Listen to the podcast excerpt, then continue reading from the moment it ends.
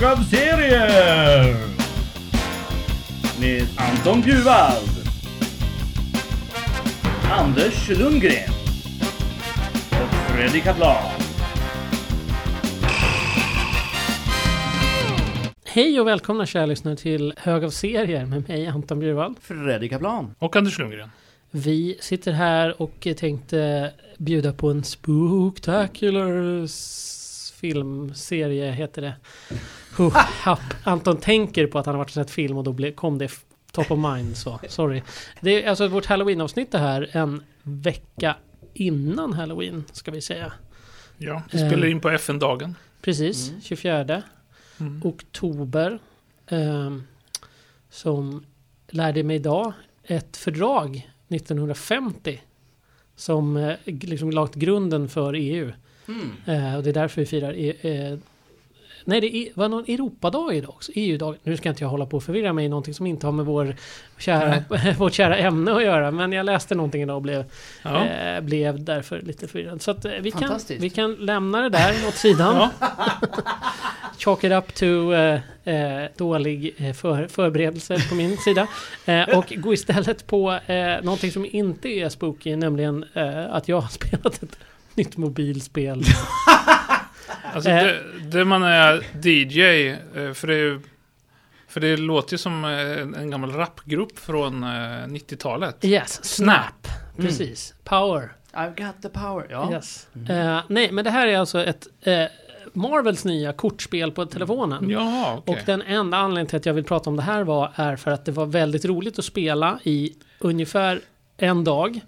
Sen upptäckte jag att den slukar batterier så in i basken. Oops. Eh, att den blir varm. Jag spelade en halvtimme i min soffa och höll på att bränna mig nästan på mitt batteri på telefonen. Ah. Och eh, nu kan jag inte starta den.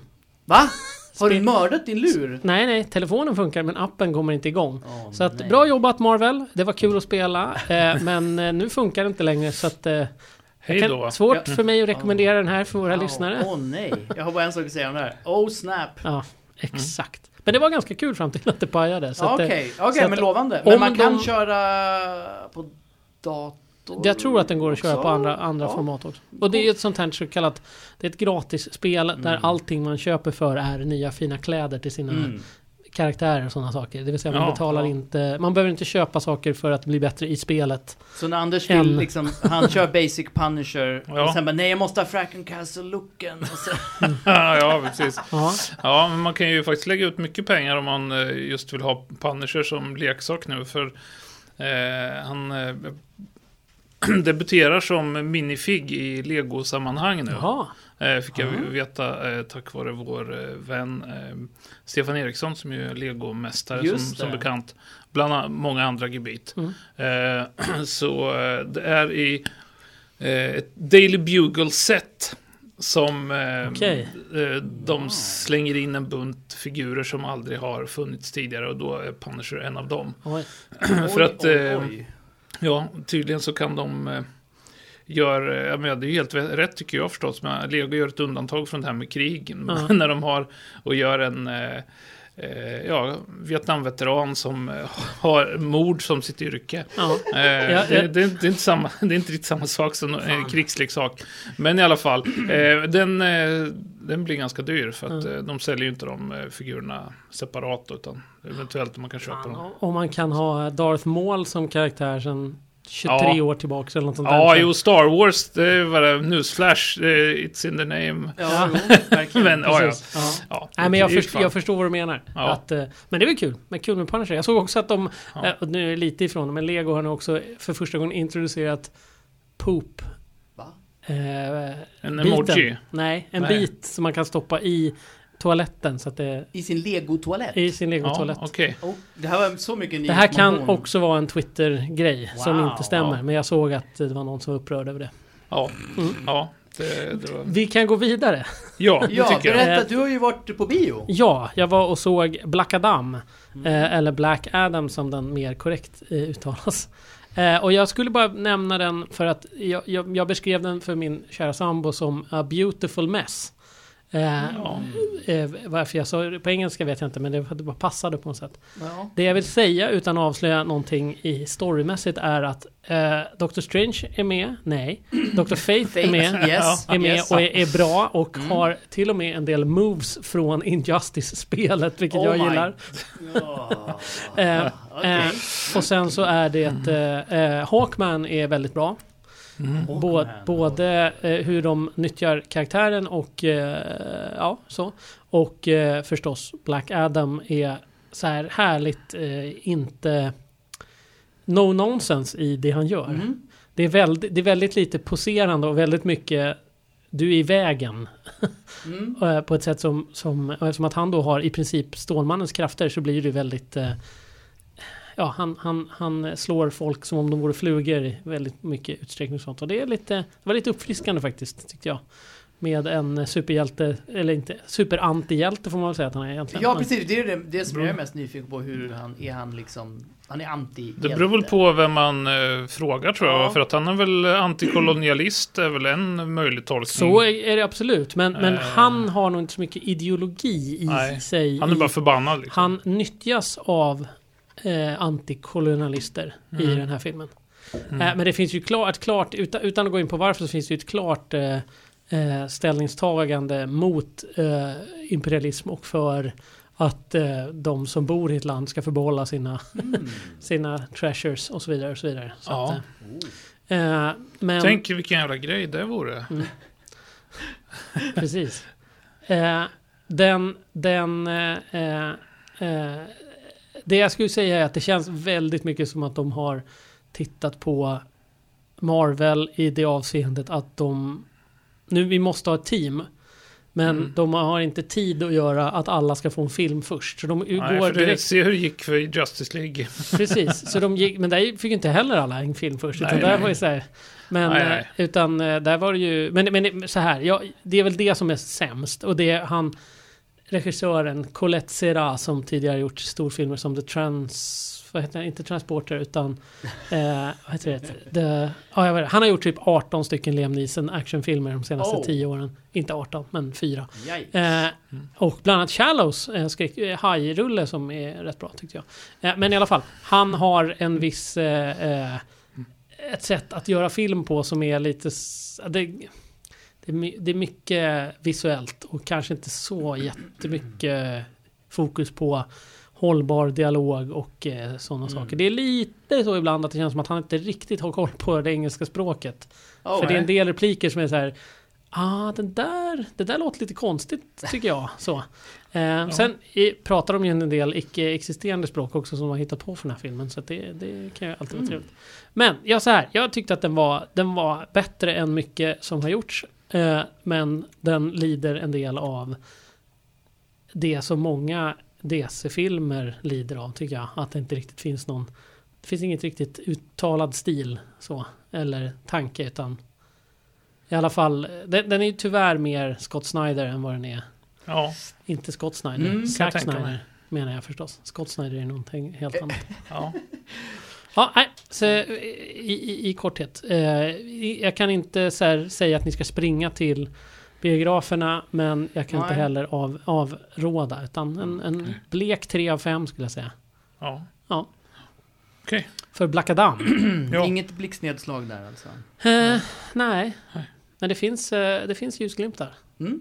Mm. Ja. Men eh, Freddy, du har ju till och med en Black Mm. Adam t-shirt sen för vill jag minnas. Eh, Vad är din, ditt förhållande till den här figuren? För han det, är ju... Nej, han är men det väl- var han Captain kom- Marvel t-shirt, inte... Ja, nej, okej. eh, Men det är ju samma logga antar jag. Så. Ja.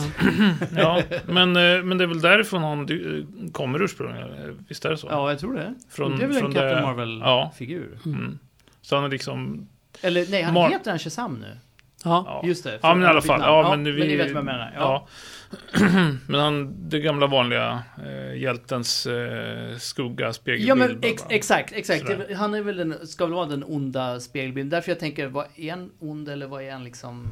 Ja. Jag vet inte var han hamnar någonstans. Han, får, han kanske får kraft från de här eh, dödssynderna som, är- som är med i Shazams... Jag eh, misstänker det, men eh, ja, ja. vi, vi låter vad det vara osagt. Ja. Så, Jag- jag kan ju- eh, Anton vi- vi- kan vi svara, kan- men... vi kan- Jag få- kan ju svara på den frågan som Ja. att jag vet. För Mm. han får, i alla fall i filmen, sina krafter från samma som, eh, Mm. som Shazam får. Eller Captain Marvel Just som det. han hette. Ja. Eh, men de har inte tilldelats honom av de mäktiga gudarna utan han Nej. har fått det av någon som har blivit, alltså någon har fört över kraften Ah. till honom. Så. Okej. Okej. Så Ja, att, eh, ja, ja. Ja, Oh, well. men eh, ja, det... Men det är en karaktär från 1945 Just så att det. Mm. exakt hur han fick krafterna då Ja, eh, och eh, låter vi vara osagt. om man vi får ta in DC-casten som gäst eh, precis. ja, precis. Eller Ola. Ja, det funkar också. Yes. Han är, han är, han är som en hel podcast i sig själv. Eh, och sen så, eh, vi har ju faktiskt sett annan rörlig seriebaserad eh, underhållning i form av Werewolf by Night. Ja, Jack Russell goes berserk. Yes. Vad, vad hade, hade ni något förhållande till, förutom ett, en karaktär vet jag att ni känner till sedan Mm. tidigare. Men Mm. Jack Russell, hade ni något relation till honom innan, innan ni såg den här filmen? Ja, alltså Werewolf by Night eh, tycker jag ju mycket om. Eh, särskilt de, de tidiga serierna när Mike Plug eh, tecknade. Gillar Mm. ju väldigt mycket. Och sen, eh, ja, förstås en av Marvels eh, så här 70-tals milstolpar i skräckgenren. Liksom, han var ju lite pajigare än, än eh, Tomb of Dracula, liksom, men, Mm. eh, men liksom i samma... Ja, man läste dem vid ungefär samma tidpunkt. Eh, så det är väl främst den Wolf by Mhm. Night som jag har, har något förhållande till. Eh, och eh, ja, men det är väl på den nivån liksom att jag har köpt grejerna jag hittat dem eh, på svenska, men jag har liksom inte gått in för att köpa så mycket annat. Mm. Eh, Man-Thing har ju däremot eh, en sån giant size Mm. telefonkatalog. Eh, s- eftersom ju han eh, finns, eh, han, han förekommer ju i eh, spoilerific eh, diskussionen som vi har här. Mm. Förekommer ju han i Werewolf by Night. Ja, precis. Eh, Det kan vi säga så att vi spoilar den här. Det är Ja, det 55 kan vi säga. minuter. ja, jo, vad har Så du för förhållande till det eh. Werewolf eh, by Night? Alltså icke-existerande skulle jag säga. Mm. Eh, tyvärr. Men för de här, när, när kom de serierna ut på svenska? Sent, sent 70-tal skulle jag säga. Det, det var för ju... tidigt för mig liksom. Ja. Jag har missat dem och... Ja, men jag tänkte ja, om du kanske, för det var ju sådana som liksom låg och skvalpa i olika seriebodar och sånt Ja. under 80-talet. Liksom. Precis, och, och det var ju i sådana seriebodar som jag fick min så seriehistoriska utbildning liksom. Mm. Men de, just de var i något tråg som jag missade liksom, för jag har Ja. inte läst dem där. Nej. Eh, tyvär. Nej, de Men det är ju ju en inte sån här lika... titel man känner igen dock. Jo, exakt. Men trycktes ju inte lika många, många gånger som, jag menar, eh, Dracula då, den kom Mm. ju f- ja, flera olika upplagor liksom, på svenska. Men, Ja, men den ser man Night blev det bara, ja, det blev nog bara den liksom, första Mm. tryckningen där på 70-talet skulle jag tro. Mm. Nej, så det, jag har inte läst och jag har inte sökt upp i efterhand. Eh, och in, alltså, och uh, Man-Thing är också en sån här som man bara har hört talas om. Alltså, för jag har inte sett honom i ja, moderna. Marvel-serier. Vem var först ut? Man-Thing eller Swamp Thing? Alltså det var en, det var en eh, som, som sig bör, en riktig så här kuckenmudding Mm. med Mud, Mudman och Swampman Ja. tidigt 70-tal där, men jag tror nog, eh, jag undrar om inte Swamp Thing var Jo, jag först tror ändå, det. fast alltså inte som egen tidning då, utan eh, eh, han, eh, han var ju med i House of Mystery först. ja. Så jag tror att han var, var där, där kanske jag blir slagen på fingrarna, men jag, jag, jag tar chansen och Mm. säger, säger att, att han nog eh, kom före Man-Thing och sen Ja. så var det det vanliga liksom, ah, vad fan håller de på med? Vi måste vara vår egen Ja. träskgubbe liksom. Och Ja. så blev det så. Jag tror att det är så jag har fått det berättat för mig förut i alla fall. Ja. Men det, ja. Heter han eh, Ted? Nej, det här är ju, det här är väl typ exempel på när de eh, fifflar lite med det. För det, Mm. det känns, det, alltså, om vi går ju lite grann kanske händelserna i förväg, men nu när vi ändå är, är på övergripande saker så eh, känns det ju som att här vill de ju få till en ny Groot liksom. Det, de, de gör Man-Thing till en sån, fast det en sån figur här. Fast den i ursprungsserierna, det är ju grejen är att han, eh, han är ju knappt eh, en tänkande person liksom, eller eh, har egen agens. Utan han dras till skräck och sen så de som känner skräck Jaha, ryker okej. bara när han, han dyker upp och så, Oops. så ja, han bränner dem sådär ungefär som, eh, som man eh, får se här i, i Mm. filmen då. Ja. Eh, och eh, ja, så att det, Ted, det är nog ett, ett nytt påfund för, för Mm. denna inkarnation av man, manssaken helt enkelt. Yes. Men i, om vi ska dra storyn då för, för denna film. Det är ju helt enkelt så att eh, Ulysses Bloodstone har gått hädan efter Mm. många år i monsterjagandets tjänst. Och eh, hans, ett, sällskapet av monsterjägare ska möt, möts på hans eh, begravning kan man väl säga. Ja.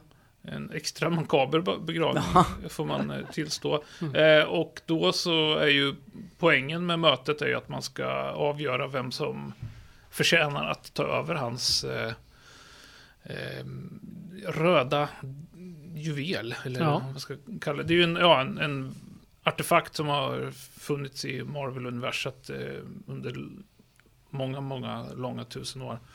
Eh, och Ulysses Bloodstone är den senaste då som som har hållit i den och eh, ja, nu eh, ska det avgöras vem som får den Vem som tar över? Mm. Ja, hans dotter Elsa Bloodstone har inte haft någon kontakt med sin far så att hon är liksom lite, hon är där på alla, samma eh, premisser som alla andra. Just det. Och eh, det är väl en sån här no holds barred eh, Battle Royale. fight, ja. där de ska Mm. jaga monster och varann helt Precis. enkelt. Och sen så är det sista jägaren som står upp ska få vinner. Ja.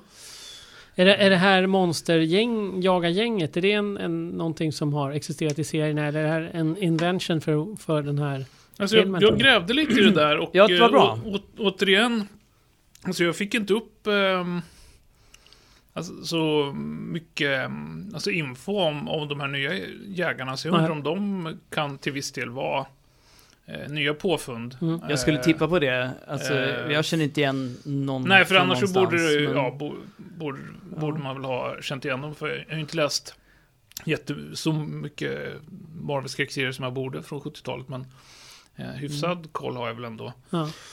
Eh, så eh, jag tror att de är, de är nog nya. Men Ja. eh, återigen då, det är, hör av er om, om det så att jag är helt fel, ni som lyssnar. Ja. Men ett bekant ansikte som jag såg flasha förbi, var inte det här den här John Lithgow eh, Bigfoot-filmen? Hensons? Vad heter nej, ja. Ja, Jag var- tror att det huvudet var med där. Ja, det, ja, det var, Alltså- men det också varit en Bigfoot liksom. Ja, jo, men att det var som- baserat på Ja, den jo, för det är liksom. ju, det är, de sitter ju i troférummet Mm, helt ja. enkelt och har sitt möte och, och man får, så man får ju se en massa artefakter. Eh, det är ju någon så här monsterjägar eh, vävtapet som, som Mm. de har baserat på ja, klass, den första serietidningen, Ja. Bajot-tapeten. Ja.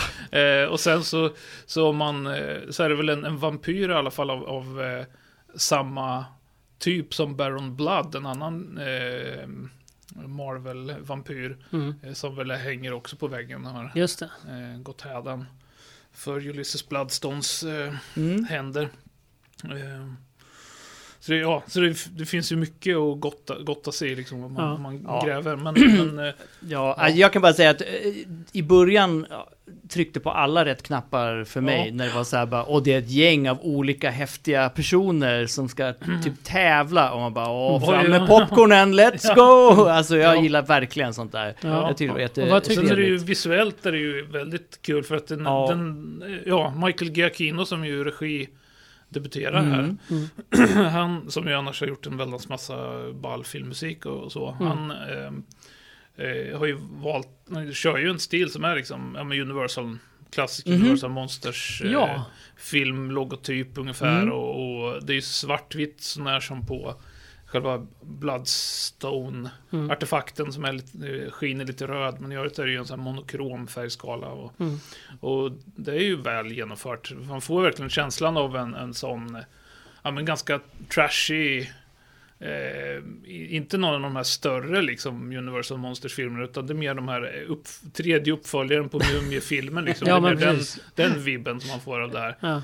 Där, Jag blev lite besviken på att de körde vid film och inte en, 4-3. en klassisk... eh, För Ja, just det. hade Ja. den, alltså jag menar om, om man verkligen skulle invoka tidiga Ja. 30-40-tals skräckisarna från Universal så ja, det blir inte widescreen då direkt. nej, då hade det ju varit en 4-3. Ja. Just eller det, där sa du något, det tänkte jag inte på. Nej. Men den såg också lite för fräsch ut, Mm. alltså filmmässigt. Det var ingen Ja. så här fake grain eller Nej, men, där. men det, det hade inte behövt vara. Men däremot så hade Nej. det kunnat vara det, det som är när man ser film från Alltså när man ser de här fantastiska filmerna, alltså Ja. Universal-skräckisarna, så Mhm. det som det man slås av är ju att de är ju väldigt, eh, de har inte ett speciellt dynamiskt eh, kameraarbete om man säger så. nej, Nej, nej, inte Det här är alls man- som man gör idag. nej, liksom. nej, men man är ju fortfarande kvar i, i ett eh, filmad teater-tänk. Exakt. väldigt Mycket. Att Ja. man har en, en scen och sen så händer det saker. Ja. Det, är, ju- det är ju just det som du säger, det här fyrkantiga bildfönstret. Ja.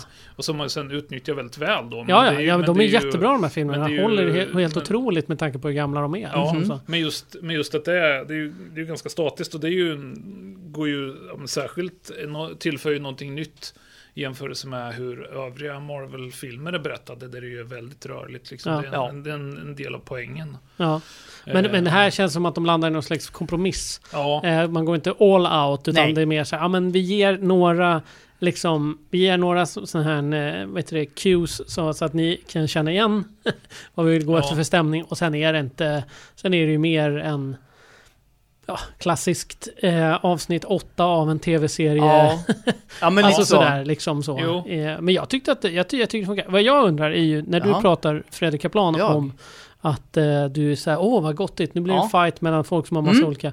Eh, hur, hur kände du att det är liksom, nu är det här så jävla ledande fråga. Hur det spelade ut menar du? Ja, precis. Eh, Nej, så här. Jag, så, ja, i, inledningsvis tyckte jag att åh, det här blir väldigt kul. Men sen tyckte jag att den mjäkade till sig ganska mycket. Det var några saker som var lite blodigare än jag trodde. Mm.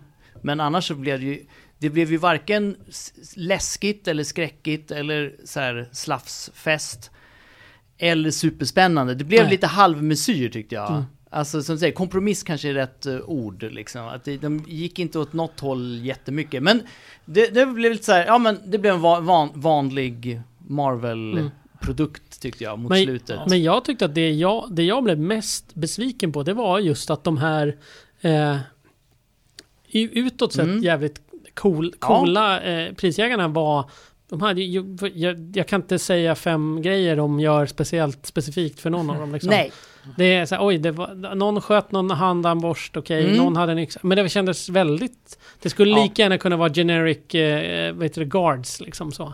ja lite så. Ja, de, de ja. fick ju snygga utseenden så, så Mm. särskilt den här eh, väldigt bleksiktiga kvinnan med Ja. sin konstiga pälskrage och Just allt det det, där. Doug, Hon Doug var- Jones. Ja, Så att jag tänkte... Ja, det- var, det var det väl var det inte inte. Doug? Nej, jag nej, satt och nej, tänkte, men- Men det nej, var, det var kusligt likt. Ja. Alltså, det var en karaktär som hade kunnat spelas av Doug Jones. Men nu, nu fick vi en ny eh, fin karaktärsskådespelare Ja. så Mm. Glädjes åt. Ja. Så det var bra. Ja. Ännu bättre. Men just, eh, de, jag tycker att de, de satte ju ändå alltså, utseendena. För att Utseende, det var ju, ja, Absolut. det var ju det jag gick igång på. Bara, oh shit, men de fick intro- inte riktigt Introduktion, nej men jag tror att till det det, känns sen som att jag.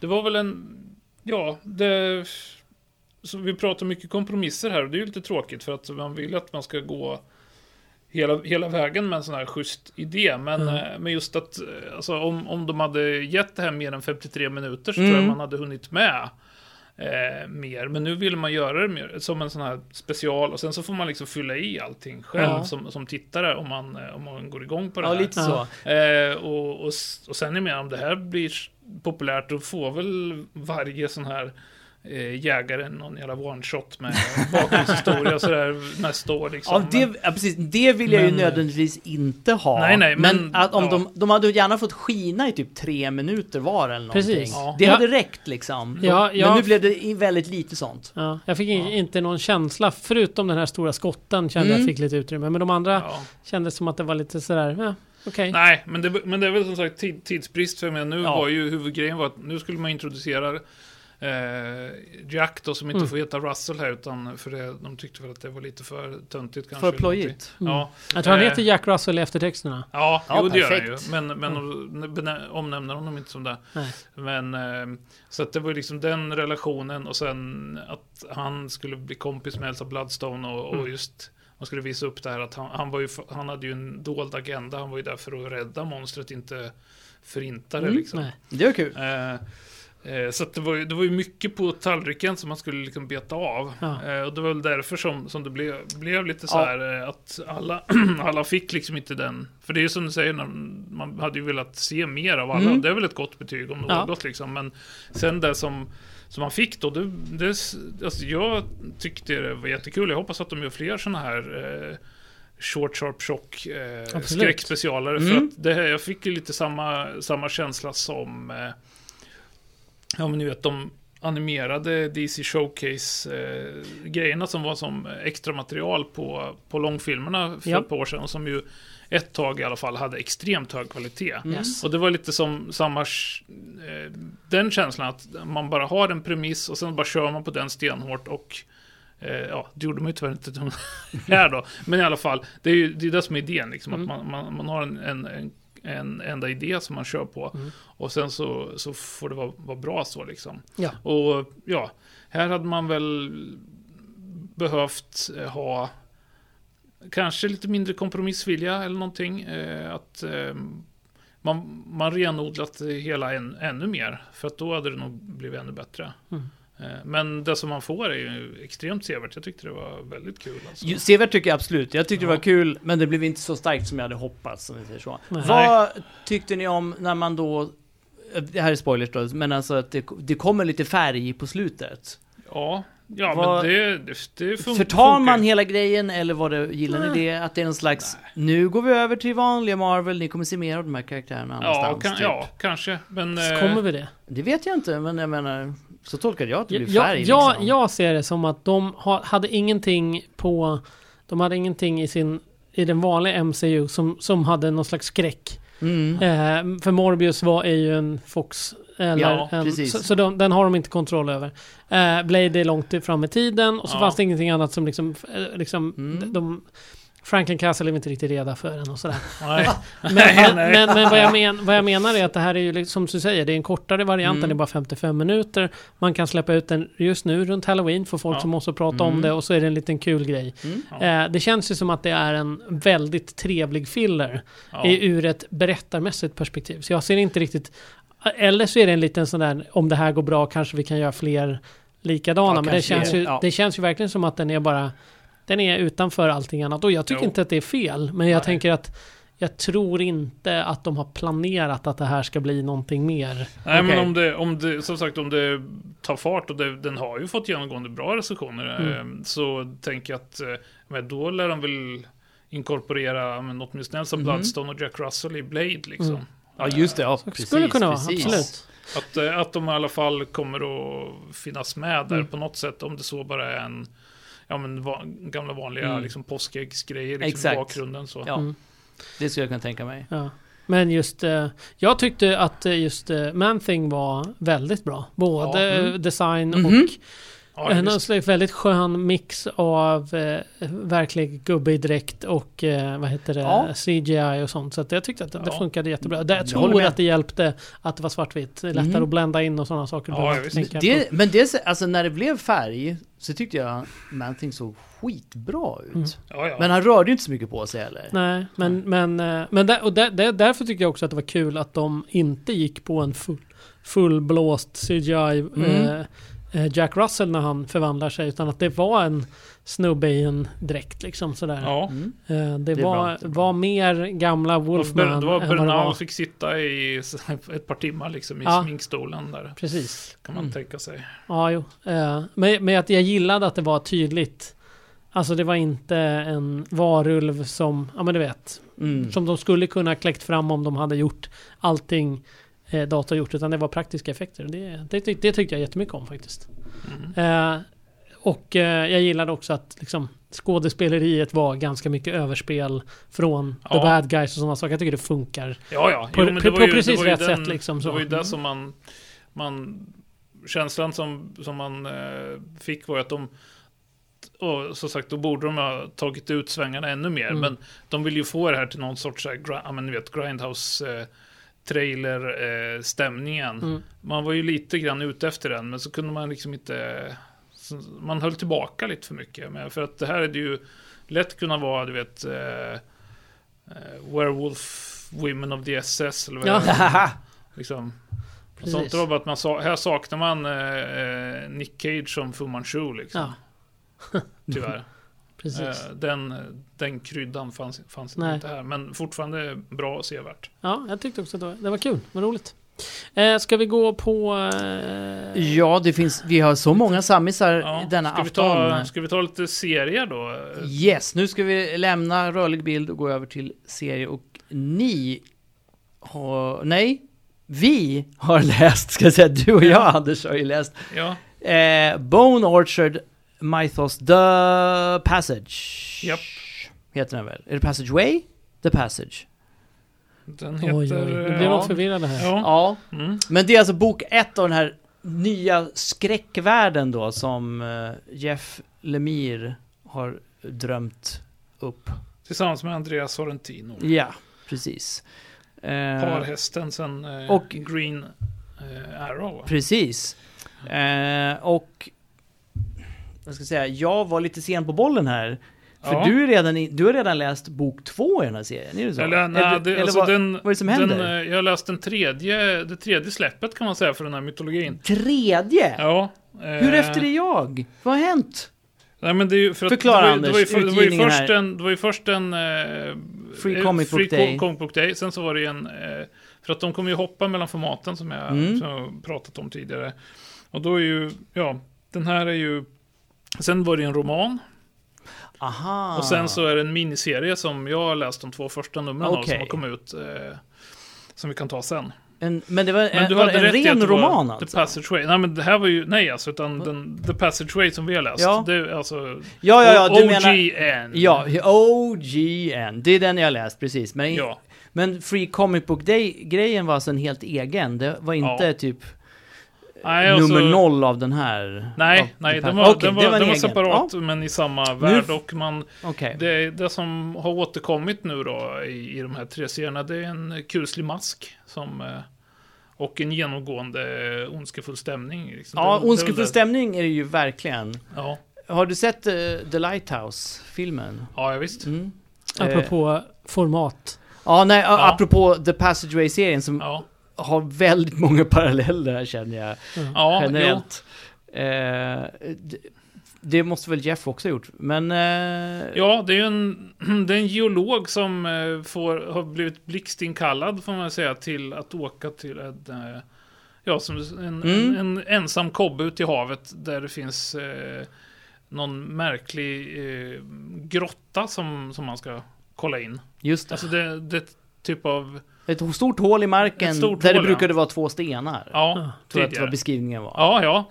Och eh, väl på plats då så finns det ju, hör och häpna, en jätteinstörig och lite konstig eh, kvinna som, som eh, bor och arbetar i det här Fyren. fyren. Och sen så har man eh, den tredje personen i, i det här lilla dramat då är en eh, sturig eh, gubbe som sköter liksom passagen då från, till och Ja. från fastlandet. Precis. Ja, okej. Som Ja. visar sig vara hennes brorsa då. Ja.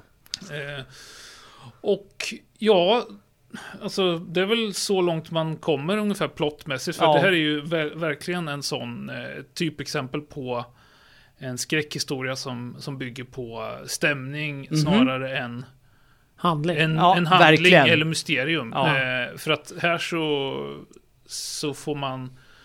Det, det är klart att eh, ja, men det händer ju saker eh, om och kring och med eh, personer i, i den här historien. Men huvudgrejen är ju mör, mörkret som eh, eh, Andreas Sorrentino frammanar i liksom varje bild. Mm. Mm. Eh, och det är det som, som är liksom huvud... Ja, hade det varit... Precis, absolut, jag håller absolut med. Hade det varit någon annan tecknare så hade det ju lätt kunnat falla extremt platt alltså. Och bara, Ja, vad ja. är det här? Men när det är Andreas Sorrentino är, har, har verkligen blivit en skräckillustratörsmästare alltså. Mm. Ja, För att, och, ja, som verkligen frammanar den här krypande fasan. ja. Mm. Jo, så det det är var, extremt den, är, den, är obehag, obehagligt. den är obehaglig, helt rätt ord. Den är extremt obehaglig, precis med, med små medel, för att det inte inte den här in your face, alltså någon splatterskräck Mm-mm. eller något sånt liksom, eller hoppa till, utan det är, det är bara man har en väldigt, man får väldigt Mm. dålig, dåliga vibbar av, eh,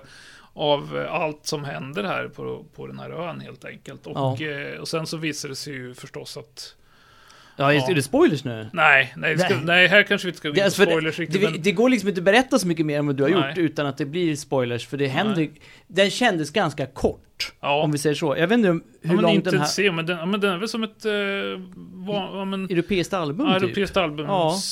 För det, gick, det är så det kändes, för det gick väldigt fort att läsa klart. Så bara, Ja. Jaha, det- nu är det Mm. över.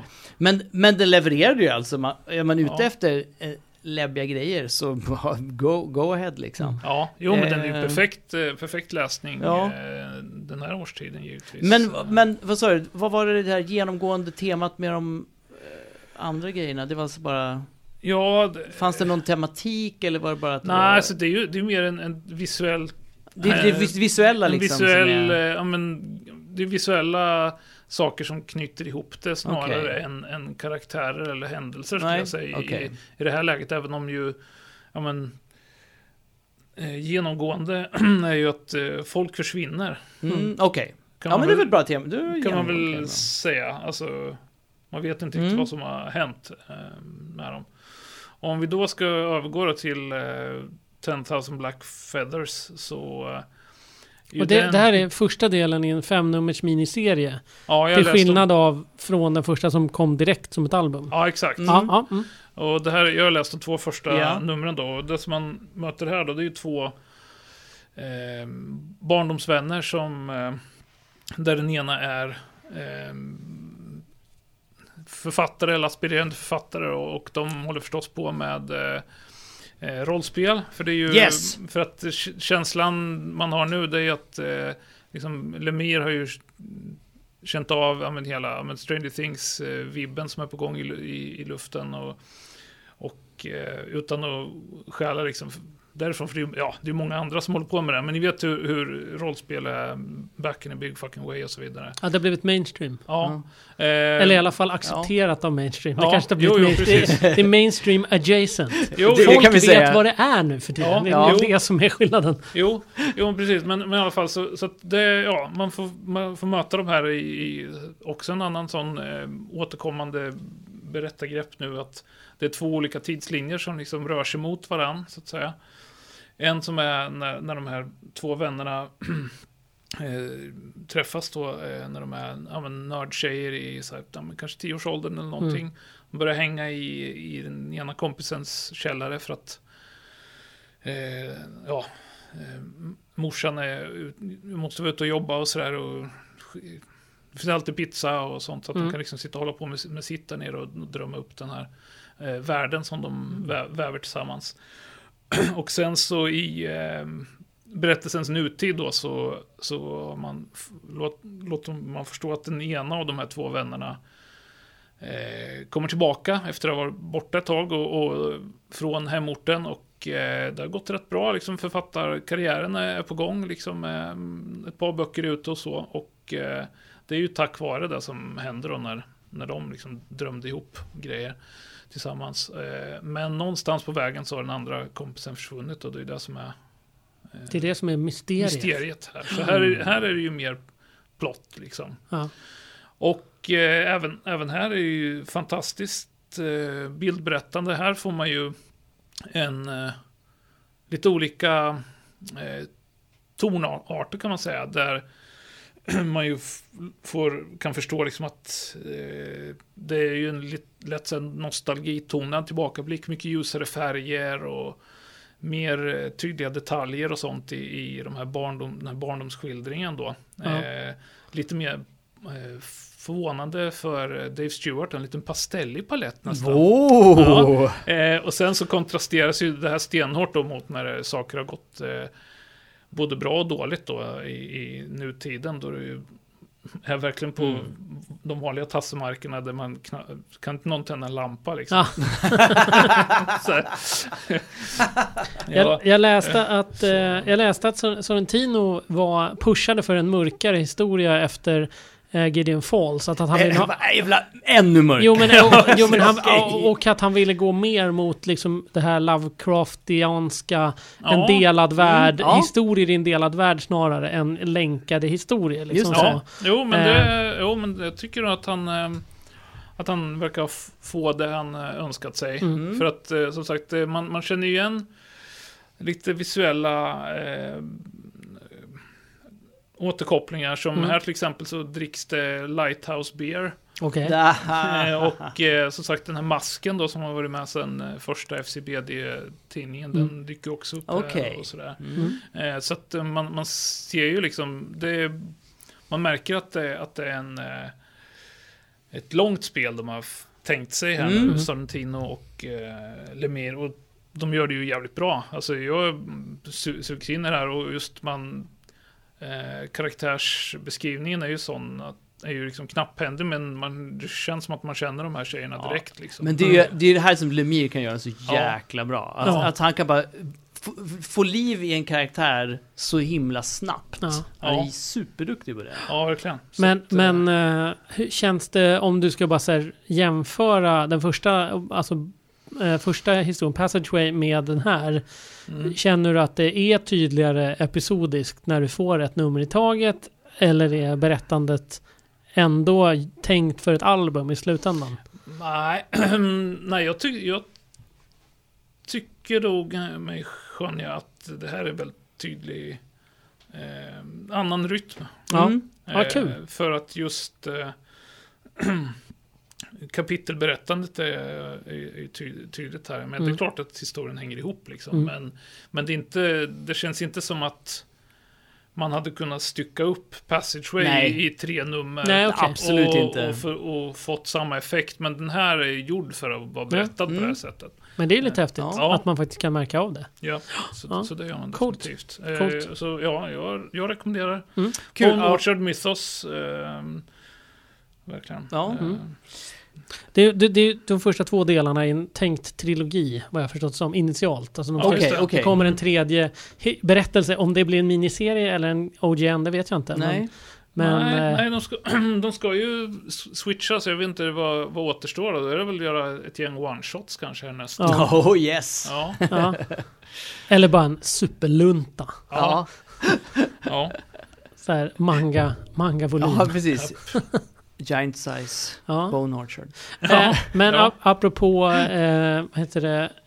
Dave Stewart är min koppling här nu. Oh yeah! Ja. Så är det faktiskt så att jag och Anders har Mhm. eh, varit med och producerat en dokumentärfilm Just det, det har vi ja. genom vårt kickstartande. Mm. ja. Tänkte att vi kan väl säga det från början att du och jag har kickstartat den här dokumentären så alla recensioner är ju färgade av att vi faktiskt har pröjsat i förväg för att få se det här. ja. Men Ja. eh, en, en eh, vad heter det, dokumentär om Mike Mignolas eh, serieliv skulle man kunna säga.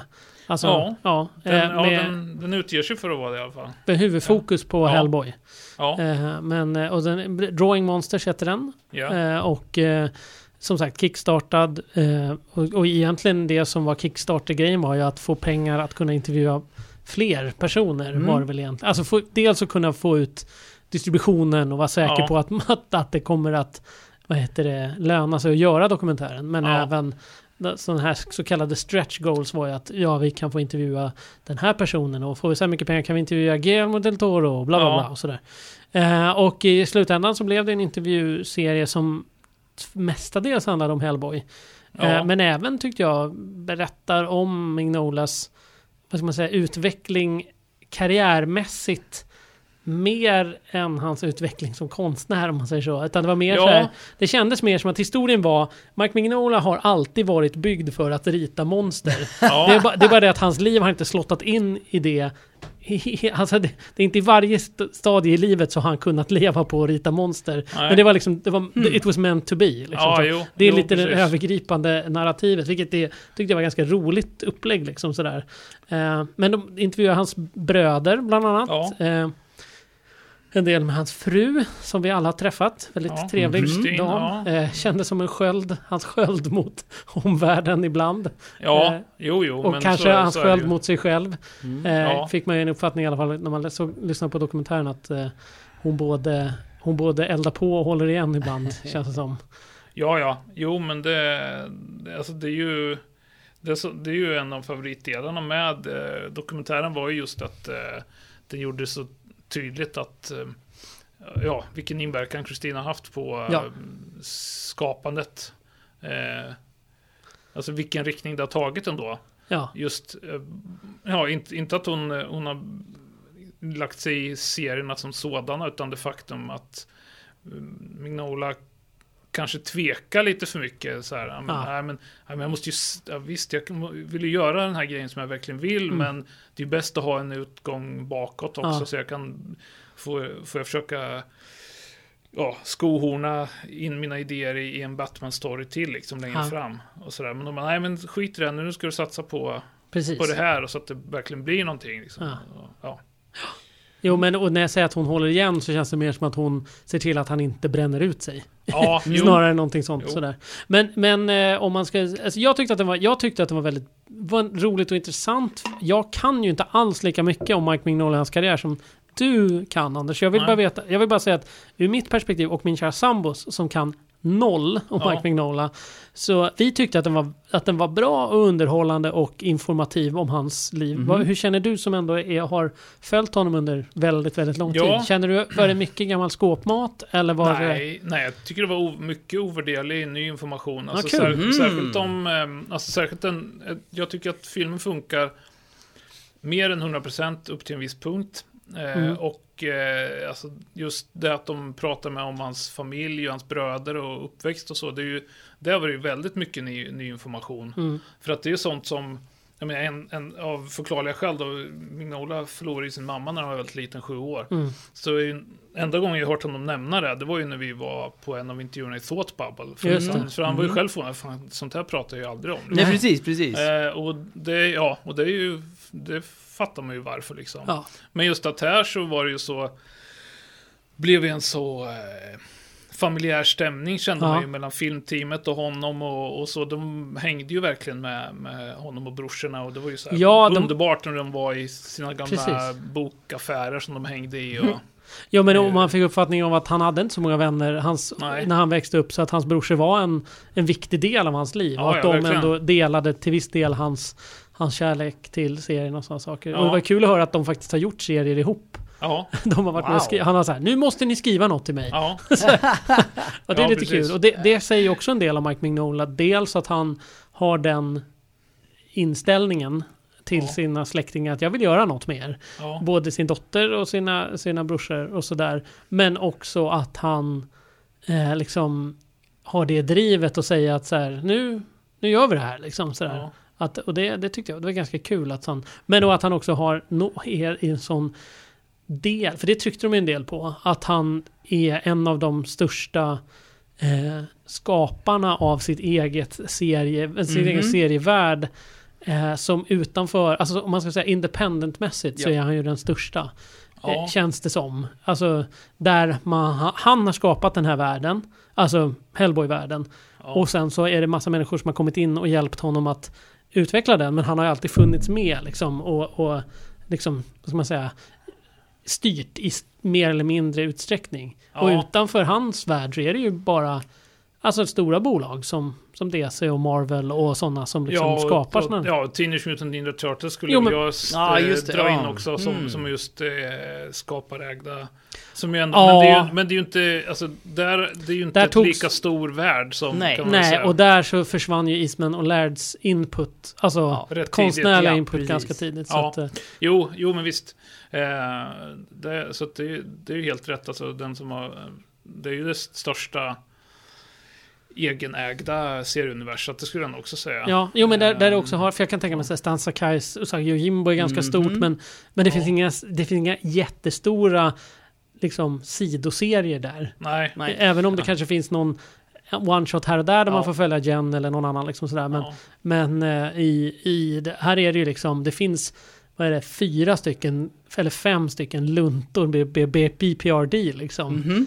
Som ju är samma värld men inte Hellboy direkt. Ja, eller ja, tio lunter är det om man ska... Jaha okej, ja, det beror på, det beror på hur man räknar dem. Ja, Nej men, men och, det, Ja. och det där så, så eh, menar, det- att det finns rollspel och det finns brädspel och det Ja. tv-spel och Mm. filmer, sådana Ja. saker som man normalt sett får om med, i alla fall idag känns det som att det normalt kommer med en, alltså att det finns någon slags licensköp liksom. Men här har ju Ja. han eh, varit inblandad väldigt mycket i, i mycket av det här. ja, Och, och en annan effekt av det här som jag tyckte var ganska kul att han faktiskt sa var att utan Hellboy-filmen 2003 ja. så hade inte, han trodde han inte själv att det här hade kunnat växa till att bli så stort som det Mm. var. För att det gjorde att han fick en, alltså ekonom, alltså det, det är väl liksom så här, nu finns det en berättelse jag kan göra, det finns en, ett intresse för Ja. att göra mer Mm. än bara Mm. Hellboy. Och att han på något sätt såg, inte att den var konstnärligt nödvändig för det här berättandet, utan mer att han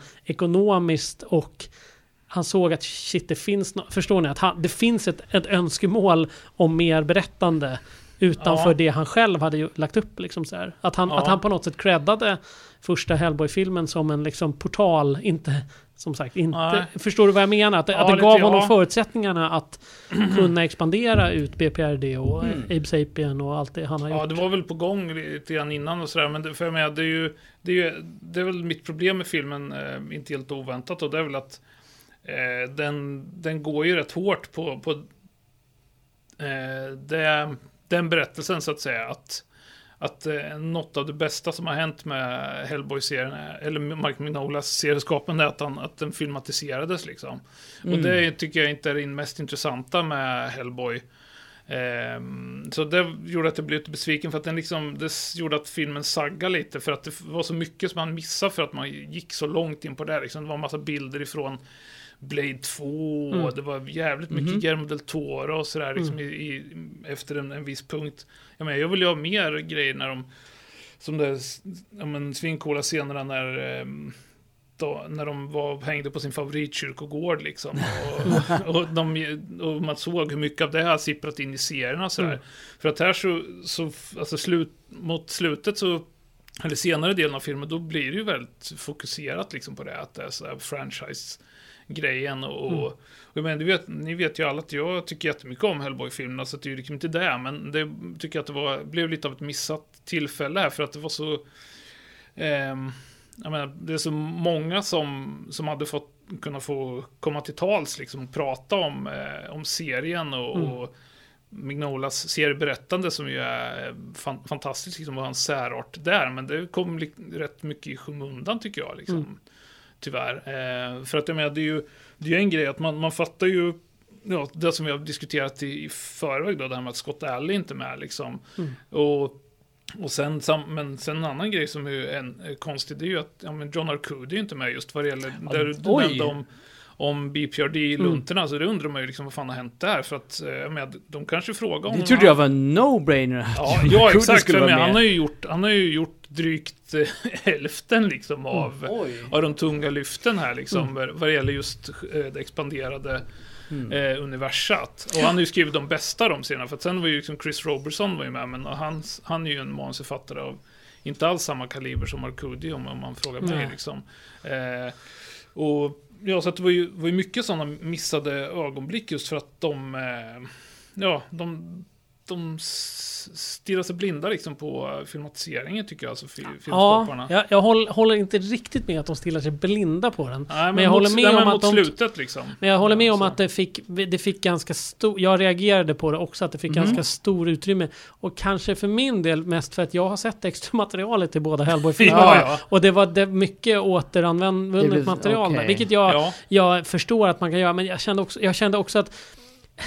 De Samma hade, grej med Blade där liksom. Det finns ju också väldokumenterat och jag älskar den filmen. Blade Ja. 2 liksom. Mm. Jag älskar den filmen också. Men, men just eh, här, här så... Jag menar, det finns ju folk som, jag menar, Scott Bucatman till exempel, som har skrivit den fantastiska Hellboy and this world. Ja. Han borde ju ha varit med här liksom. ja. Eh, Oj, ja det... Ja. Eh, och, Men- och, och, och så, så att det, var, det blev så lite fo- fokus på Mm. serieberättande tycker jag just. Ja, mi- min, mindre än vad det kanske skulle... Jag håller med om att... Oh, vad har den här? Vad, den är 100 minuter eller någonting Nej, det sånt. var, ja, det var ju det som var grejen. Att det känns som att de hade... Eh, att det var, det var återigen då. Var, vi, eh, man, I en tid när nästan varenda actionrulle är 2.20 minst. Ja. Så är det svårt att fatta att man tyckte att man var tvungen att klippa ner den här dokumentären där de bevisligen hade massor med asbra material. För att jag, menar, jag har börjat beta av extra materialet. Ja. Och de grejerna hade ju alltså gott kunnat vara med i huvudfilmen, mycket av det. Ja, liksom. absolut. Just för att, för att den är ju, om den klockar in där någonstans, den 93 Ja, eh, plus minuter. Och, eh, och det är ju rätt kort liksom med tanke på vad de hade. Och ju, då hade man ju kunnat eh, eh, råda bot lite på den här eh, felviktandet Mm. i, i hur filmen landar Mm. liksom. Ja, Eh, nej men jag. alltså jag håller med. Jag skulle säga att om den är 90 minuter, vad den väl är, Ja. då kanske det... Man skulle kunna kapa bort en kvart av, dem, av den tiden som ägnas åt filmerna och lägga det på, på serier. Jag håller med Ja. dig om det. Jag tycker att det var, det var lite mycket... Men, men samtidigt så tyckte jag att det fanns... De hade ju också en... Som du säger, de hade ju en, en tes som de försökte säga här. Ja. Nämligen att, att, att just det här med att han har influerat så pass mycket. Alltså att, att, att, han, att han driver sitt eget vad ska man säga, serie, en, sin egen serievärld på ett sätt Ja. som få andra gör. Där, där var det lite tråkigt att man inte kunde, att det inte blev mer samarbetssnack. Hur fungerar det så här? Men Ja. det, det, kom, det fanns ju med, men det skulle varit mer. Han pratar, de pratar ju bland annat om att han inte är jättelätt att ha att göra med i alla lägen och sådana Nej, saker. nej, nej, Och, precis. och, och oftast med skämt, men ändå känns ju ändå som att säga, ja, men han har bestämd, bestämda åsikter och tankar och så här. Och han pratar själv om att, att han har fått lära sig att liksom släppa ibland och sådär. Och att Ja. liksom så. Eh, och, och att han... eh, Ja, och, och det tyckte jag, där skulle man kanske kunna grävt lite mer, peta lite mer i det sådär. För det känns som Ja. att det är folk som säger så här, "Ja, han är lite jobbig att jobba med ibland, Mm, har inga exempel. Liksom. Nej, nej. Nej, okej, okej. Nej, nej, men det är exakt. För det, men det är ju för att man vill ju, alltså, man, man vill ju göra en dokumentär där han inte framstår som en idiot. Liksom. Nej men precis, och, men, men det jag, hade... jag säger inte att Mignola är en idiot, för det tror jag inte. Nej. Eh, Men, Och inte jag heller. Men, men just att, att eh, om man ska göra en, en, en riktig dokumentär, då måste ju ändå de sidorna också komma Ja. fram. Liksom. Ja. Så här, för det är ju en del av skaparprocessen, det är att man, att man liksom stångas ibland. Mm. Liksom, för när, och då blir Ja. det så här jävla Ja, bra. och egentligen det enda tillfället när det kommer fram, det är ju när de pratar om just filmerna och att Ja. han liksom långsamt förstod att, när, framförallt när det blev Hellboy 2, att det är inte min Hellboy. Nej. Och han säger My det Hellboy would do that. Ja, men precis. Del Toro, liksom. Precis, Ja. och det som händer är alltså att, att Mignola säger till, till Guillermo del Toro att Hellboy wouldn't do that och då säger Guillermo del Toro Your Hellboy wouldn't do that, Nej, my det. Hellboy would. Ja. Och, och han, Ja. han säger ju det att jag förstod i slutändan att det är inte min Hellboy. Eh, och det låter inte som att han är jättenöjd med det men samtidigt, ja men jag accepterar, jag Mm. förstår förutsättningarna och att det är liksom en liten... Men det här hade jag också velat ha lite mer resonerande kring vad ger man upp för att få en franchise? Om han, Ja. För han säger ju själv att han menar att han, stod, att han fick då ekonomiska förutsättningar på ett helt annat sätt i och med filmen. Men Ja. var det värt det? Eller Ja, hade han precis. hellre velat köra vidare och bara Mm. göra Hellboy och inte kunna göra BP? Om, om vi säger Ja. att premissen är att tack vare Hellboy-filmen så kunde han expandera universat på ett helt Mm. annat sätt. Om man köper den storyn. Det, var det värt det? Eller skulle, skulle han vilja ha sin Hellboy och hållit i den och, och gjort den till bara sin och inte haft de här samarbetena med massvis med andra serieskapare? Eller är det okej att släppa ifrån sig? Det, det, är liksom, ja. Det antyds att han tycker att det var okej, men jag tyckte att det resonerades lite för lite kring Ja, precis. För det. att med en annan version av, av vad som hände på grund av filmerna, det är att det inte blev några nya Hellboy-serier på fem år. Liksom. Mm. Mellan The Third Wish och The Highlands så, var, så flöt Hellboy Mm. eh, runt i, i havet liksom, Mm. i, i fem år. I, om man... Om, om man, Yikes. om man, ja, kanske inte i berättelsetid då, för då hade Nej. han väl varit skrynklig som ett russin när han landade på stranden där. Då. Men jag menar, eh, i, i faktisk tid, i, i, vi som upplevde det och led liksom, samtidigt som, jag menar, visst, det var ju cool shit som kom ut liksom, men det var inga nya serier på ett bra tag där. Alltså, det är ett halvt decennium, liksom. det är Mm. rätt lång tid för en skapare ändå. Alltså. Ja. Eh, och det är ju den andra, andra sidan av det myntet, liksom, att Ja. eh, det blev inga nya serier. Och sen så exploderade det, men som sagt, det är ett helt annat åt ett annat håll. För det var ju då som hans, ja, dåvarande redaktör eh, Scott Alley liksom att eh, ja, men du kommer aldrig hinna teckna klart det här för att du alldeles för, för det tar för lång tid Mm. liksom. Du måste ta in någon annan om du ska berätta den här episka historien. Och då fick vi ju de här serierna med Duncan för Grader då, som är ju Mm. fantastiska liksom, klassiker rakt igenom. Men, och det kanske är därför som... Och det fick man inte heller riktigt med. Och det är väl en anledning till att eftersom att de inte haft med Scott Alley. Det hade ju varit en naturlig Mm. sak att prata med honom om det. Liksom, Just Ja, sådär. ja. Eh, och då, Ja. jag menar, det- alltså... Hur, eh, ve- vet ni om de grejerna? Hade de haft intervjuer med honom? Nej, alltså vad jag, de har inte kommenterat. Vi har ju Nej, ställt okej. frågan, men de har ju inte... jag de har ställde ju inte- fråga ja. direkt till dem och de bara, nej vi hann inte få med alla liksom. Mm, så det är ju okej. typiskt diplomatiskt svar. För jag håller med om ju att... att, de, att de vill inte Mm. att det ska finnas på pränt att de bara, nej vi kan inte ta med Nej. honom och politiska skäl. Liksom. För, jag, för, jag, för mig känns det, om, om det är no-brainer för mig att John Arcudi ska vara med så är ju Scott Alley också. Mm. Jo, jo. för Det, han ha- är ju- det borde ju vara ett namn nummer ett liksom. Men, men Ja. i Scott Alley förstår vi varför han ja, inte är ja med. exakt, vi förstår varför han Varför inte är med. inte John Arcudi med? är Ja. man ju nyfiken Nej, det, på. nej, exakt. För det, där tror jag, där kan vara det här stångandet Mm. mer som man inte får höra någonting om. Alltså Mm. min bara hypotes, Ja. alltså eftersom eh, det blev så oerhört tvärt liksom. Att han Mm. bara, han, han, han försvann och sen ja, men började han göra fantastiska serier på Image istället med, Mm. med James Harren då. Mm. Jo, precis. Men och, och jag tror inte att, egentligen inte att Mignola själv bryr sig så. Men det är ju ändå liksom, alltså jag menar, alltså så här. Det är en del av historien. Som Jo men precis, och jag känner nog, att jag- alltså den uppfattningen jag får av Mignola när, under den här dokumentären är att han hade gärna berättat om allt det här. Mm. Ja. Men det är ju någon annan som har valt ut snittet. Ja, och det kanske ja. handlar om att så här, vi vill inte göra en... Alltså i, i fallet, eh, eh, vad heter det, Scott Alley, då kan vi diskutera varför de har valt bort det av olika anledningar. En anledning kan ju vara att det, det här ska inte handla om metoo-rörelsen. Det är inte det Nej. vi... Det Mm. är inte därför vi gör den här dokumentärserien. Liksom. Då kan vi göra det separat. Liksom. Ja. Det är ju ett argument. Ett annat argument är som du säger att så här, vi vill inte befläcka den här. Vi vill inte behöva svara på frågor. Det, blir, det är för jobbigt att ta sig an det här. Ja. Så, så man kan tolka anledningen. Det, det är bara Mm. de som har gjort det som, som uppenbarligen vill sopa det under stolen eftersom att de svarar att vi alla han, hanns inte med. Liksom Nej, sådär. det var- det jävligt viktigt att ha med hon som skapar Steven Universe. Ja men det, det är sådär. oj, oj, oj, okej. Det finns kanske en publik där som Ja. man vill Ja, gå mot. jo, Eller men så är det för så det att, här- de, så är det så att filmskaparna är intresserade av Steven Universe. Så. Så kan det Så vara. att- Alltså, för det låter lite som att den här dokumentären försöker täcka in väldigt många baser. Ja, ja, Mm. ja, ni- jo men eh, det, så låter det i mina öron. Och, Mm. Och på ett sätt så låter det som att ja, när Anton beskriver den här eh, Guillermo del Toro-grejen så låter det bekräfta, alltså bara ja, då, men då låter det rimligt att det är mycket om filmerna och han Mm. släpper kontrollen och allt sådär. Men å andra sidan förstår jag Anders argument också bara, men om det inte är hans, om det inte är eh, Mignolas Hellboy, varför är det så mycket om den Hellboy Mm. i sånt fall? På sam, det är verkligen, Jo men jag håller med, jag, ja, håller så här, med Anders. Jag tycker också Ja. att de, jag tycker att det tar för mycket plats. Ja. Jag gillar att det finns med som den förklaringen. Men jag tycker att det, de skulle ha kapat det. De Ja. skulle ha tagit ner det mycket, mycket mer. Men sen är det ju också så här att hur får man finansiering till sån här när man gör en Kickstarter? Jo, Ja. men man lockar med att man kanske ska intervjua Patton Oswald och Mm. Steven Universe-tjejen och eh, liksom, eh, vad Mm. heter han, eh, Guillermo del Toro. Så att jag Mm. menar, det är ju precis på samma anledning till var, varför har man Brad Pitt med i en film där han knappt är med i för Ja, att ja. sälja Alltså, förstår ni vad jag Ja, menar? ja, det, vissa namn ger finansiering på ett sätt och det, det kanske inte hade blivit Mm. någonting om man inte hade haft den här filmvinkeln för att de flesta tyvärr känner till filmen före de känner till serierna. Liksom, Ja. att, Och är dokumentären väldigt, stryker den väldigt mycket medhårs? Jag, jag skulle inte säga att den gör det. Alltså, det, till viss del ja, men, Mhm. men... Eller, så här.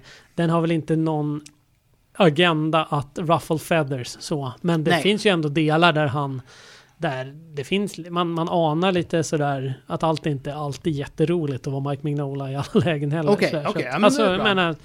Det, kanske mest det här med att ge upp kontrollen vid, vid filmerna Mm. och sådana saker. Så. Mm. Men som sagt, det, det jag saknade också var ju att Ja men, ja, men precis, det, det jag saknade det var mer, mer diskussioner kring hur det är att samarbeta med någon som har skapat en värld men, och som har ett väldigt starkt grepp om den. Hur jobbar... Ja men som sagt, Jo- Jan Arcudi hade varit intressant. Så. Sen är jag ju superbesviken över att Peter Berting inte fick vara med till exempelvis. Oh. Han har ändå gjort en del grejer mot Ja, slutet. det. Alltså det finns... Jag såg ingen Stenbeck. Eller missade jag Nej. det? Nej, han var bara med ja, bilder av honom. Ja, precis. Eh, Ja. Och sen så ska vi se, vad var det mer? Det var... Jo men vi, vad heter det, vi fick en del för Gredo, men inte jättemycket.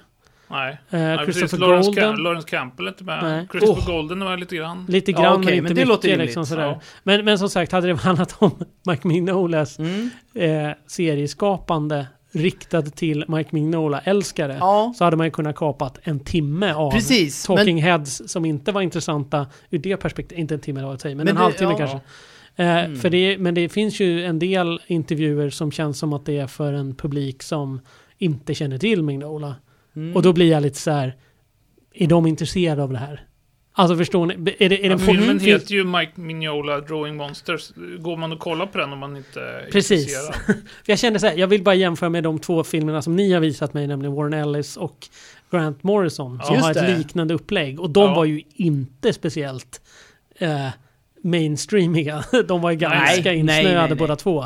Eh, och jag föredrar ju det. Jag tycker inte att det här är dåligt. Jag gillar det här jättemycket. Jag tyckte att det var en, var en rolig dokumentär. Det var roligt att kunna se den med min sambo som Ja. sagt inte vet någonting. Och hon fick ut någonting av det Mm. liksom. Ja, och Men- fantastiskt bildmaterial liksom. Som Ja, sagt, och extra materialet, liksom. lägger man på extra materialet Ja, så har man en helt annan sak. För då, Ja. där fanns ju massvis med gött. Bara en grej när han sitter och ritar Hellboy och berättar Ja. hur han tänker med streck och Åh, hej och hå. ja, liksom ja. Nice. Eh, och den här, vad hette han då, han som ritade Abe Sapien? Michael Avon. Precis, när han berättar om hur han, han använder sin, ett speciellt typ av stift för att kunna, liksom så här, det har ju ing- egentligen ingenting med Mike Mignola att göra, men det är adjacent till. Ja, ja. Och det är roligt liksom sådär. Så jag tyckte det var kul. Jag har inte sett allting än, men, Nej. men eh, det extra material, materialet jag har sett var bra. Ja, ja, verkligen. Ja. Okej, men hur, hur, om man inte var med och kickstartade den här filmen, hur gör man då om man vill se den?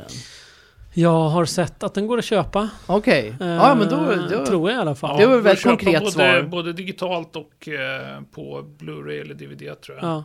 Och eh, ja, bor man i Los Angeles så är det ju lite specialvisningar Mm. tillsammans med Frankenstein eh, och eh, Bride of Frankenstein. Kul. Nu i veckorna här. Ja.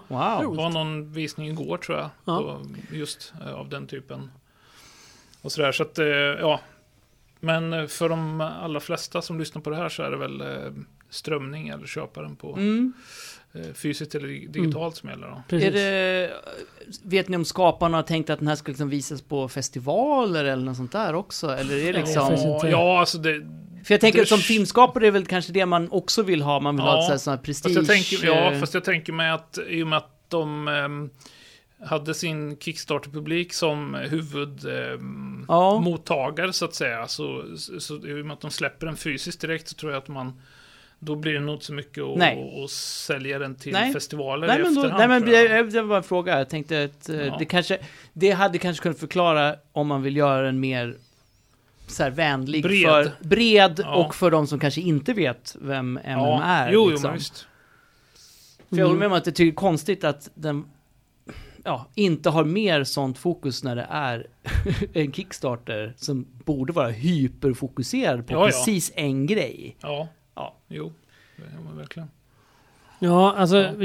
jag... eh, Jag tänkte att jag skulle börja gå in och dubbelkolla hur mycket pengar de faktiskt skrapade ihop. De, de fick alltså upp nästan 6 miljoner kronor bara i, via Kickstarten. Ja, Och det blir man ju inte mätt på. Nej. Eh, så, alltså det, Nej. det är ingenting man kan bygga en, Men det är, det är ju liksom... Det är väl en, en dokumentärfilmsbudget liksom Mm. i den av, För det är det, det jag Ja. tycker den har... Det den var bra på, om man ska prata rent tekniskt, så det är ju Ja. väldigt vackert fotad. Ja. Tycker jag. Och de har hittat bra utsnitt och det är bra intervjuer och sådana saker. De hade kunnat lägga lite budgeten på ljud. ljud. Det är flera Mm, gånger ja. som de har scorrande mickar och sådana saker. Sånt som Oh. Ja. jag som podcastare de senaste 12 åren har lärt mig, inte Ja. att få bort helt, men man, ibland så blir man så här, oj, där var, där, jag, jag hör hur micken slår i taket, Ja. inte hela tiden, men det Nej, händer. Och då blir jag lite så här, jaha, okej, Ja. här har de fotat det väldigt vackert och fint, men missat att ta upp Mm. ljudet liksom Mm. ordentligt. Det, men, en Ja. liten, liten skönhetsfläck som jag blev lite irriterad Ja. på. Den här, det måste jag fråga dig nu, för Ja. igen, extra materialet. Den här Tor-historien som han, de berättar om att han, han blev eh, kontrakterad för att rita massa tor Jag känner Ja. inte till den serien. Vad är det för, vet du vad det är för någonting? Nej, alltså det, det, det är väl få som har eh, känt till den före detta. För, för att den, eh, det blev ju aldrig av. Nej, okej. Eh, så att det, ja, det, det är ju allt som finns är ju Mignolas eh, koncept eh, Okej. Okej. bilder. Eh, så att eh, jag fick ju också reda på, på den, och, ja, på detta i samband med ja, men ny, nyhetsbrev från eh, filmskaparna. Ja. Ehm, Så, så att det har nog varit... Ja, Hmm. alltså, jag tycker att det borde ha... Jag har ju läst varenda Mignola-intervju jag har fått, kommit över de senaste 30, snart 30 åren. Så, där, så att det borde ha nämnts om, om, om det hade kommit ut, Mm. tänker jag. Men nej. Det, det var nog en, en sån sånt drömprojekt som eh, inte fick sin kickstart-finansiering. För det fanns inte då liksom. Nej, sant. Så, ja. Sen så tyckte jag lite, det är lite extra, extra extra material med Neil Gaiman.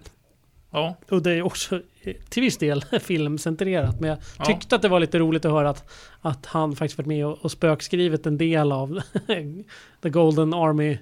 Eh, Gaiman har gjort det. Alltså Just han, det. Den här, det är en saga i början som Ja. berättas. Eh, med den här fin- fantastiska dockteatern Mhm, i början av ja. den här filmen. Och det är tydligen Neil Gaiman som har, som har spicat upp den eh, Ja. vad heter det, historien på eh, Del Toro och eh, begäran där. Så det tyckte jag var lite, det var lite Kul. roligt små Mm. detalj. Och, och så säger filmskaparen så här, så här, det kände inte jag till. Och var på Game och säger, nej det är inte många som vet. Nu gör ni det. Ja. Så, Mm. Ja. eh, så det var lite kul. Så lite små sådana saker finns det i extra materialet som var Ja, lite ja. kul att kolla på. Ja, Ja. nej men den rekommenderas ju som helhet. Mm. Om man gillar Mignola så, så ska man ju se den. Sen så, så kommer man väl att ha olika grader av eh, uppleva de här sakerna som vi har eh, tagit upp nu då. Men, eh, men alltså, man, man får ju ändå, det här är ju, ja, man blir ju kritisk när någonting är bra, men det skulle kunna vara ännu bättre. Mm. Eh, och, och det är väl just det att man, här tappar man bort eh, liksom serieskapandet li, Mm. lite grann mot slutet liksom, och, och går in på andra spår. Det var ju trist, men eh, ändå definitivt alltså, sevärd. Ja. Eh, mer än sevärd, det är ju en riktigt bra dokumentär. jag. Eh, och det jag saknade var ju andra serier han har gjort. Jag hade velat höra mer om Witchfinder, jag hade velat höra mer om Ja. Baltimore. Det är knappt Mm. någonting alls det nämns i förbifarten. Men liksom Ja. här, hur kom de karaktärerna? Det är kanske sånt som har avverkat i andra intervjuer tidigare, men, Ja, men eh, ur ett så här, att där hade de fått lägga mer tid. Mhm. Hade jag gärna lagt mer tid, om man säger Ja. så. så att, det kanske är så att han inte är så intresserad av att prata om det heller. Eller så, Nej, men jag vet och, inte och heller. sen de grejerna är ju, alltså, där så ska man ju veta att, eh, det, ja, mycket av, där, där det står liksom Mignola och ett annat namn, Ja, då är ju, alltså Mignola stod med som författare på John, alltså BPRD, som skrevs i princip helt och hållet av John Arcudi. Mm, liksom, ja. där han hade väl, och det är väl samma grej där, att, att de här Baltimore och, och de grejerna var väl rätt mycket Christopher Goldens Ja. eh, skötebarn. Eh, egentligen, så det var kanske därför som de inte kom med. Men, men, men jag menar, Witchfinder, det var ju definitivt Mignolas eh, upp till en, en viss punkt i alla fall. Ja. Alltså de första albumen där var ju helt och hållet hans idé. Liksom. ja. Det hade jag gärna sett lite mer av. Ja, Ja. ja, ja. Lobster Johnson, Ja. ingenting. Ja. Ja, nej, nej, Lobs, eh, Lobster Johnson är ju knappt, han nämns ju inte. Nej. Och, och Tonch är inte med alls. Liksom. Och, och Lobster Johnson är ändå en karaktär som är väldigt speciell. Ja. Alltså jag menar, jag ska inte säga att de andra inte är det, men Lobster Johnson är, skulle jag vilja säga, nästan ja, unik är väl att ta i, men det, den, den har ju en helt annan, den karaktären har en helt annan ton än mycket annat liksom sådär som, som eh, i, i, min uppfattning i alla fall, och jag har Ja. inte läst supermycket av det, men så det hade varit intressant. Men man, kan allt, man vill alltid ha mer. Det är också Ja. en sån här sak. När man blir serverar någonting som är så här trevligt så blir man Ja. alltid så här, åh men jag vill... Ja, varför kunde det inte vara en tv-serie för? Varför kunde det inte vara... Ja, men, Ja, precis. Ja. Sex delar. Precis. Ja. Mm. Ja. Eh, eh, blir du sugen på, alltså så här, om det kommer en till dokumentär, vill du se, eller känner du att så här, ah, men jag är nöjd med Mignola? Nej, nej, det, fin det finns ju som, som vi som vi sagt här så det finns ju så, så många andra vinklar man skulle kunna gå in på. Mm. ehm, eh, som, som man inte tar upp här. Ja, Så att det, jag, men, givetvis, men det kommer vara svårt att liksom finansiera en till Mignola-dokumentären så här nä- nära inpå, men ja. alltså det ju, det finns ju definitivt andra saker att, att, att berätta liksom om man ser skapande, för det är så många grejer som Mm. de bara eh, lä- lämnar därhän liksom. ja. Eh, Ka- kanske ska jag göra en podcast? Ja, tänker jag. Ah.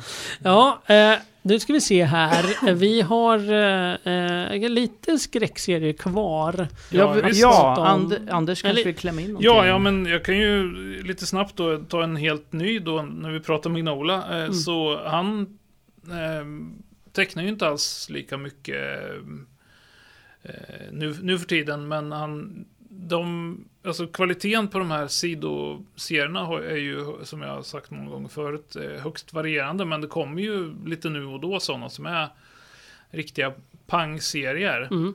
Eh, och eh, ja, vi, vi kan börja med något tråkigt då. Det, och det är väl just en, en sån samarbetsgrej. Eh, The Bones of Giants, som ju var en roman som eh, Christopher Golden skrev tillsammans med Mike eh, Mignola. Där Hellboy och, åker till eh, det kalla Norden och råkar eh, få Tors hammare fastsvetsad i sin högernäve som om den där jävla stenkolossen inte var nog. Så, ja, och sen så är det så Hilarity ensues. De är i Stockholm och, och eh, lallar runt där det är mycket nordisk mytologi och sådär som, som jag väl tycker att de har eh, malträterat ganska hårt. Mm. Och den, eh, den har ju blivit en serie då. Eh, av, ska vi se, ja men det är ju, det står att det är Mignola, men han är väl knappt inblandad. Christopher Golden, Matt Smith med flera. Och det var en väldigt konstig läsupplevelse. För jag menar, det, alltså Matt Smith, han, han tecknar i någon sorts, ja men, försöker efterlikna Mignola och misslyckas kan man väl säga. Okej, okay. mm. och, och, eh, och alltså det, det, faktum att man, att man kör en, en sån visuell stil är ju fullt förståeligt när man mm. gör en sån här serie. Men det är att den är så konst den är dålig på så konstiga sätt. Det är så, jag menar, ni vet, som klafffel. Mm. Den, alltså, det borde inte hända att man, ni vet, man de har ju, skriptan har eh, inte varit med när de, har, när de har gjort det här. Så att det är liksom stridssekvenser som inte fungerar. Eh, saker som så här, hade, hade Ape Sapien klivit upp i badet eller låg han i badet fortfarande? Ah, okay. vet, oh, massa sådana här grejer som, som bara ah, inte, inte borde få komma igenom när det i alla fall det finns en redaktör på det här bevisligen. Ah. Eh, och sen är med manuset, det funkar väl okej okay som en roman, men liksom här är det ju, alltså det, det blir ju tydligare när man får allt visuellt hur eh, pajig Christopher Goldens version av den nordiska mytologin är. Ja. Så den, eh, ja, den skulle jag inte rekommendera till, till någon. Men däremot... Vad hette eh, den sa du? Bara en gång till. Eh, Hellboy, The Bones of Giants. Yes. Men, jag menar, ja, man får ju verkligen eh, eh dra i, i de minsta stråna. För att det är kul att eh, det finns ett ställe i, de springer runt i Gamla stan lite grann, så finns det ett ställe som heter Hotell Bergting. Liksom, ja, Nej! Men eh, däremot så har vi en riktig höjdare som jag verkligen kan rekommendera, som Mignola har gjort tillsammans med en ungersk tecknare som heter Mark Laszlo. Aha. Och det är, alltså en, det är en uh, one-shot som heter Time is, Hellboy and the BPRD, Time is a River. Och det är alltså en, en fortsättning på en story som var med i Eh, Hellboy Winter Special som släpptes för snart tre år sedan, januari 2020. Okej. Okay. Eh, before the pandemic, before the dark times och så vidare. Uh, och den storyn hette The Miser's Gift. Och bägge de här historierna utspelar sig då i Budapest. Och Mark Laszlo, han, han, han tecknar fantastiskt. Det är en extrem cartoonig stil, du vet där kyrktorn ser S-formade. Oj! Liksom det för att ja, det, det laborerar med hela det drömska tidsflödet som finns i Budapest och mm. mycket så här, stadsmytologi och, och sånt där. Så, och ehm, eh, det, det som hände mot slutet av den, The Miser's Gift var att eh, de har gjort en sån räddningsoperation i, i de här konstiga tidsflödena. Och Ja, de fick med sig killen och leta efter, men en annan snubbe fastnade. Oj då. Och det där vi, den här historien tar vid då liksom. Hur, hur fasen ska vi rädda honom? Och ja, det är jättekul. Eh, alltså, Hellboy ser ut som att eh, ja, hans huvud ser ut som en jordnöt ungefär till formen. Det är fantastiskt skoj eh, tecknat. Och ja, men det är ju en kul, kort story liksom som eh, som har, ja, humoristiska poänger och eh, jävligt konstigt världsbygge som bara funkar liksom rakt mm. igenom. Åker runt i konstiga båtar och ja. ett översvämmat Budapest liksom. Svinsnyggt. Och sen då ännu mer kanske on point för eh, den här årstiden är ju en helt, helt ny serie. Leonid the Vampyr Miracle at Crow's Head.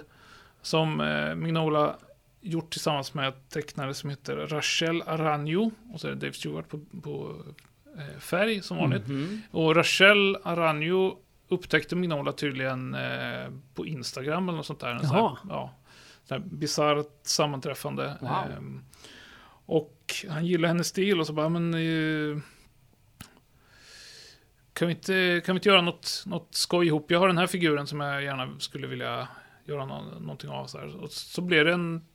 Ja, och också en sån väldigt kort, bisarr eh, vampyrhistoria där eh, det går åt eh, fanders för en liten sjöstad efter att ett skepp har kapsejsat utanför stan och bland all bråte som flyter i land så är det en väldigt liten kista bland, bland annat. Åh nej. Ouch. Ja, eh, det blir inte skoj. Eh, Om det, om det åker i land en kista, gräv ner den. ja, Mm, precis. Och jag med till eh, alltså, eh, stadsbornas eh, försvar så får man väl säga att de hade ju faktiskt tänkt att göra det, men Saker händer. sen så, ja, Mm. sen så blev det en, en lite för lång, lite för mycket överläggning innan. innan Mm. Whoops. Det här är ett gammalt previews-tips tror jag minns. Ja, exakt. Mm. Och den kan man köpa antingen med Mignola-omslag som är svinsnyggt eller med eh, Ra- Rachel Aranjos eh, eget omslag som också är stylish. Men ja, Jag vill säga Mm. att aranjo betyder spindel Mm. på Ja, spanska. det. Ja, jag tror det va? Ja, mm. ballt namn. ja verkligen. Ja. ska jag riva av ett sista skräcktips då nu när vi är Halloween-avsnittet? Absolut. Ja. Go for it. Ehm, film blir serie Ja. och eh, serie blir film och så vidare. Mm. Creepshow känner ni till. Stephen Jajamän. Kings fantastiska Mm. samarbete med eh, George A. Romero Mm. från tidigt 80-tal där de eh, hyllade ja, men EC Comics som de bägge hade Yes. vuxit upp med. Och det blev ett eh, anknytande album med eh, Bernie Wrightson-teckningar och sånt där. Allt med Creepshow är ju asbra, Mm. tycker jag. Eh, när, ja, men då är ju en, liksom, Stephen King när han var som mest pulp. När, han, Ja. när han snortade som mest kokain. Ja, det, ja, Ja, fast det här, sammanfaller. Ja, Eller fast det här hans det, här, det, här var nog, det här tror jag nog var, var tidigare faktiskt. För att Jaha, det, här, okej. det här är liksom noveller som han publicerade i eh, ja, men olika tidskrifter och sånt. Så Ah, att det är nog okej. innan. Mm. För att kokainet tänker jag att det blev när han, eh, när han- det började gå bra liksom. Maximum overdrive. Ja, jo men exakt. Åt- Det är mer, jag tänker mig, det är mer Stephen Kings 80-tal. Ja, Mm. Ja, Ja. men i alla fall. Men ja, Creepshow. Den, det är en cool film som sen har levt vidare. Liksom kom en eh, uppföljare som också var riktigt bra tycker jag. Med magnifika The Float till exempel, storyn. Och sen så fick jag för ett par år sedan en Creepshow av dig, kommer jag ihåg. Som väl inte hade så jättemycket med Stephen King att göra. men eh, ja, ytterligare en antologiskräckis. Och sen Mm. nu så finns det väl en eh, tv-serie som Greg Nicotero eh, ja håller i. det känner jag igen. Ja. Och det är väl Mm. lite på grund av den då som den här tidningen kommer ut nu på Image, eh, Sk- Skybound. Och det är, ska vi se, det är bra folk. Det är Chris Burnham som vi, vi lärde känna eh, tack vare hans eh, Batman Incorporated va, var det väl Jajamän. Eh, som ju bara växer som tecknare tycker jag. Ja, Chris Burnham som är, som jag eh, gick, det var som en substitut för när Frank Whiteley slutade teckna. Ja. Så var det så här, det är nästan Frank Whiteley men inte riktigt. Ja, men ändå nej. inte då, alltså inte Nej, dåligt. nej, men- exakt. Men, men han, det, det stämmer. Det, är så, det var ju, det är liksom rätt tuff, eh, tufft att komma ombord liksom efter Frank Whiteley Ja. på en serie. Men eh, när man ser hans egna grejer då, då framstår Ja, det nej, som han har gjort bättre. jättemycket bra. Det är inte det. Jag bara, Nej. det var, jag bara kom ihåg, det var, det var mitt första intryck var så här, åh, det blev inte Whiteley, men den här Burnham är ju ganska bra för Ja, att han är väldigt lik. Ja, och sen så har vi Paul Dini, Steven Langford och John McCree. Oj, och, Paul Dini också. Ja, eh, så ja, och det här är ju precis det man kan vänta sig. Det är två liksom korta, punchiga skräckhistorier som där varav den ena utspelar sig just på Halloween. Mm. där man eh, får lära sig eh, vådan av att inte följa instruktioner när man tar godis från eh, det hemsökta huset. Det här känns också som en previews-tips. Ja, jo, jo. Jag kände jo, igen det exakt. här. Jo, det har vi snackat om. Ja, roligt. Och nu, och nu har jag läst den och nu är den på min pullist och eh, det är ju härligt att det äntligen liksom 30 år senare faktiskt kommer en ongoing med Creepshow. Ja. Och sen den andra Mm. storyn eh, stannar väl inte i, minnet eh, riktigt lika länge men eh, ja. helt okej. Ja, men det är ju som antologier. Allt Ja, behöver ja. inte vara bra. Nej, exakt. men, men just här, alltså Burnhams bilder här är så jävla grisiga. Helt, ja, helt, helt underbart eh, gjort. Så att den anbefalles stenhårt, ska jag säga, Cre- Creepshow. Kul! Ja. Ska jag också bara snabbt säga att jag har börjat läsa Something is killing the children. Som är Ja. alltså början på det andra arket av... Jag har ju läst hela första arket, en jättefin lyxutgåva. Men så kunde jag inte vänta på en till lyxutgåva. Mhm. Så nu har jag börjat trade paper köpa, vilket jag redan Ja. nu är... Jag har redan nu ångest för att min bokhylla kommer vara asymmetrisk. Ja, Alternativt där, oh. så köper man alla, alla, väntar in den där och så får man sälja Ja, tillbaks ja, ja, jo, trade är väl- så kan du göra. Ja, ja. Jo. Jag tänkte, ap- inte läsa apropå skräckscenario så tänkte Ja. jag bara så här, ge er en skräckhistoria från min hylla. Ja. ja. Så är det. Eh, Men eh, då tänker jag att vi har eh, pratat ganska länge och hoppas att Ja. ni får en trevlig halloween till helgen och efterföljande vecka får en trevlig alla helgons dag. Japp. Och kom ihåg att tänka på era nära och kära och sådär. Och säger som vanligt, Läs! Mer. serier.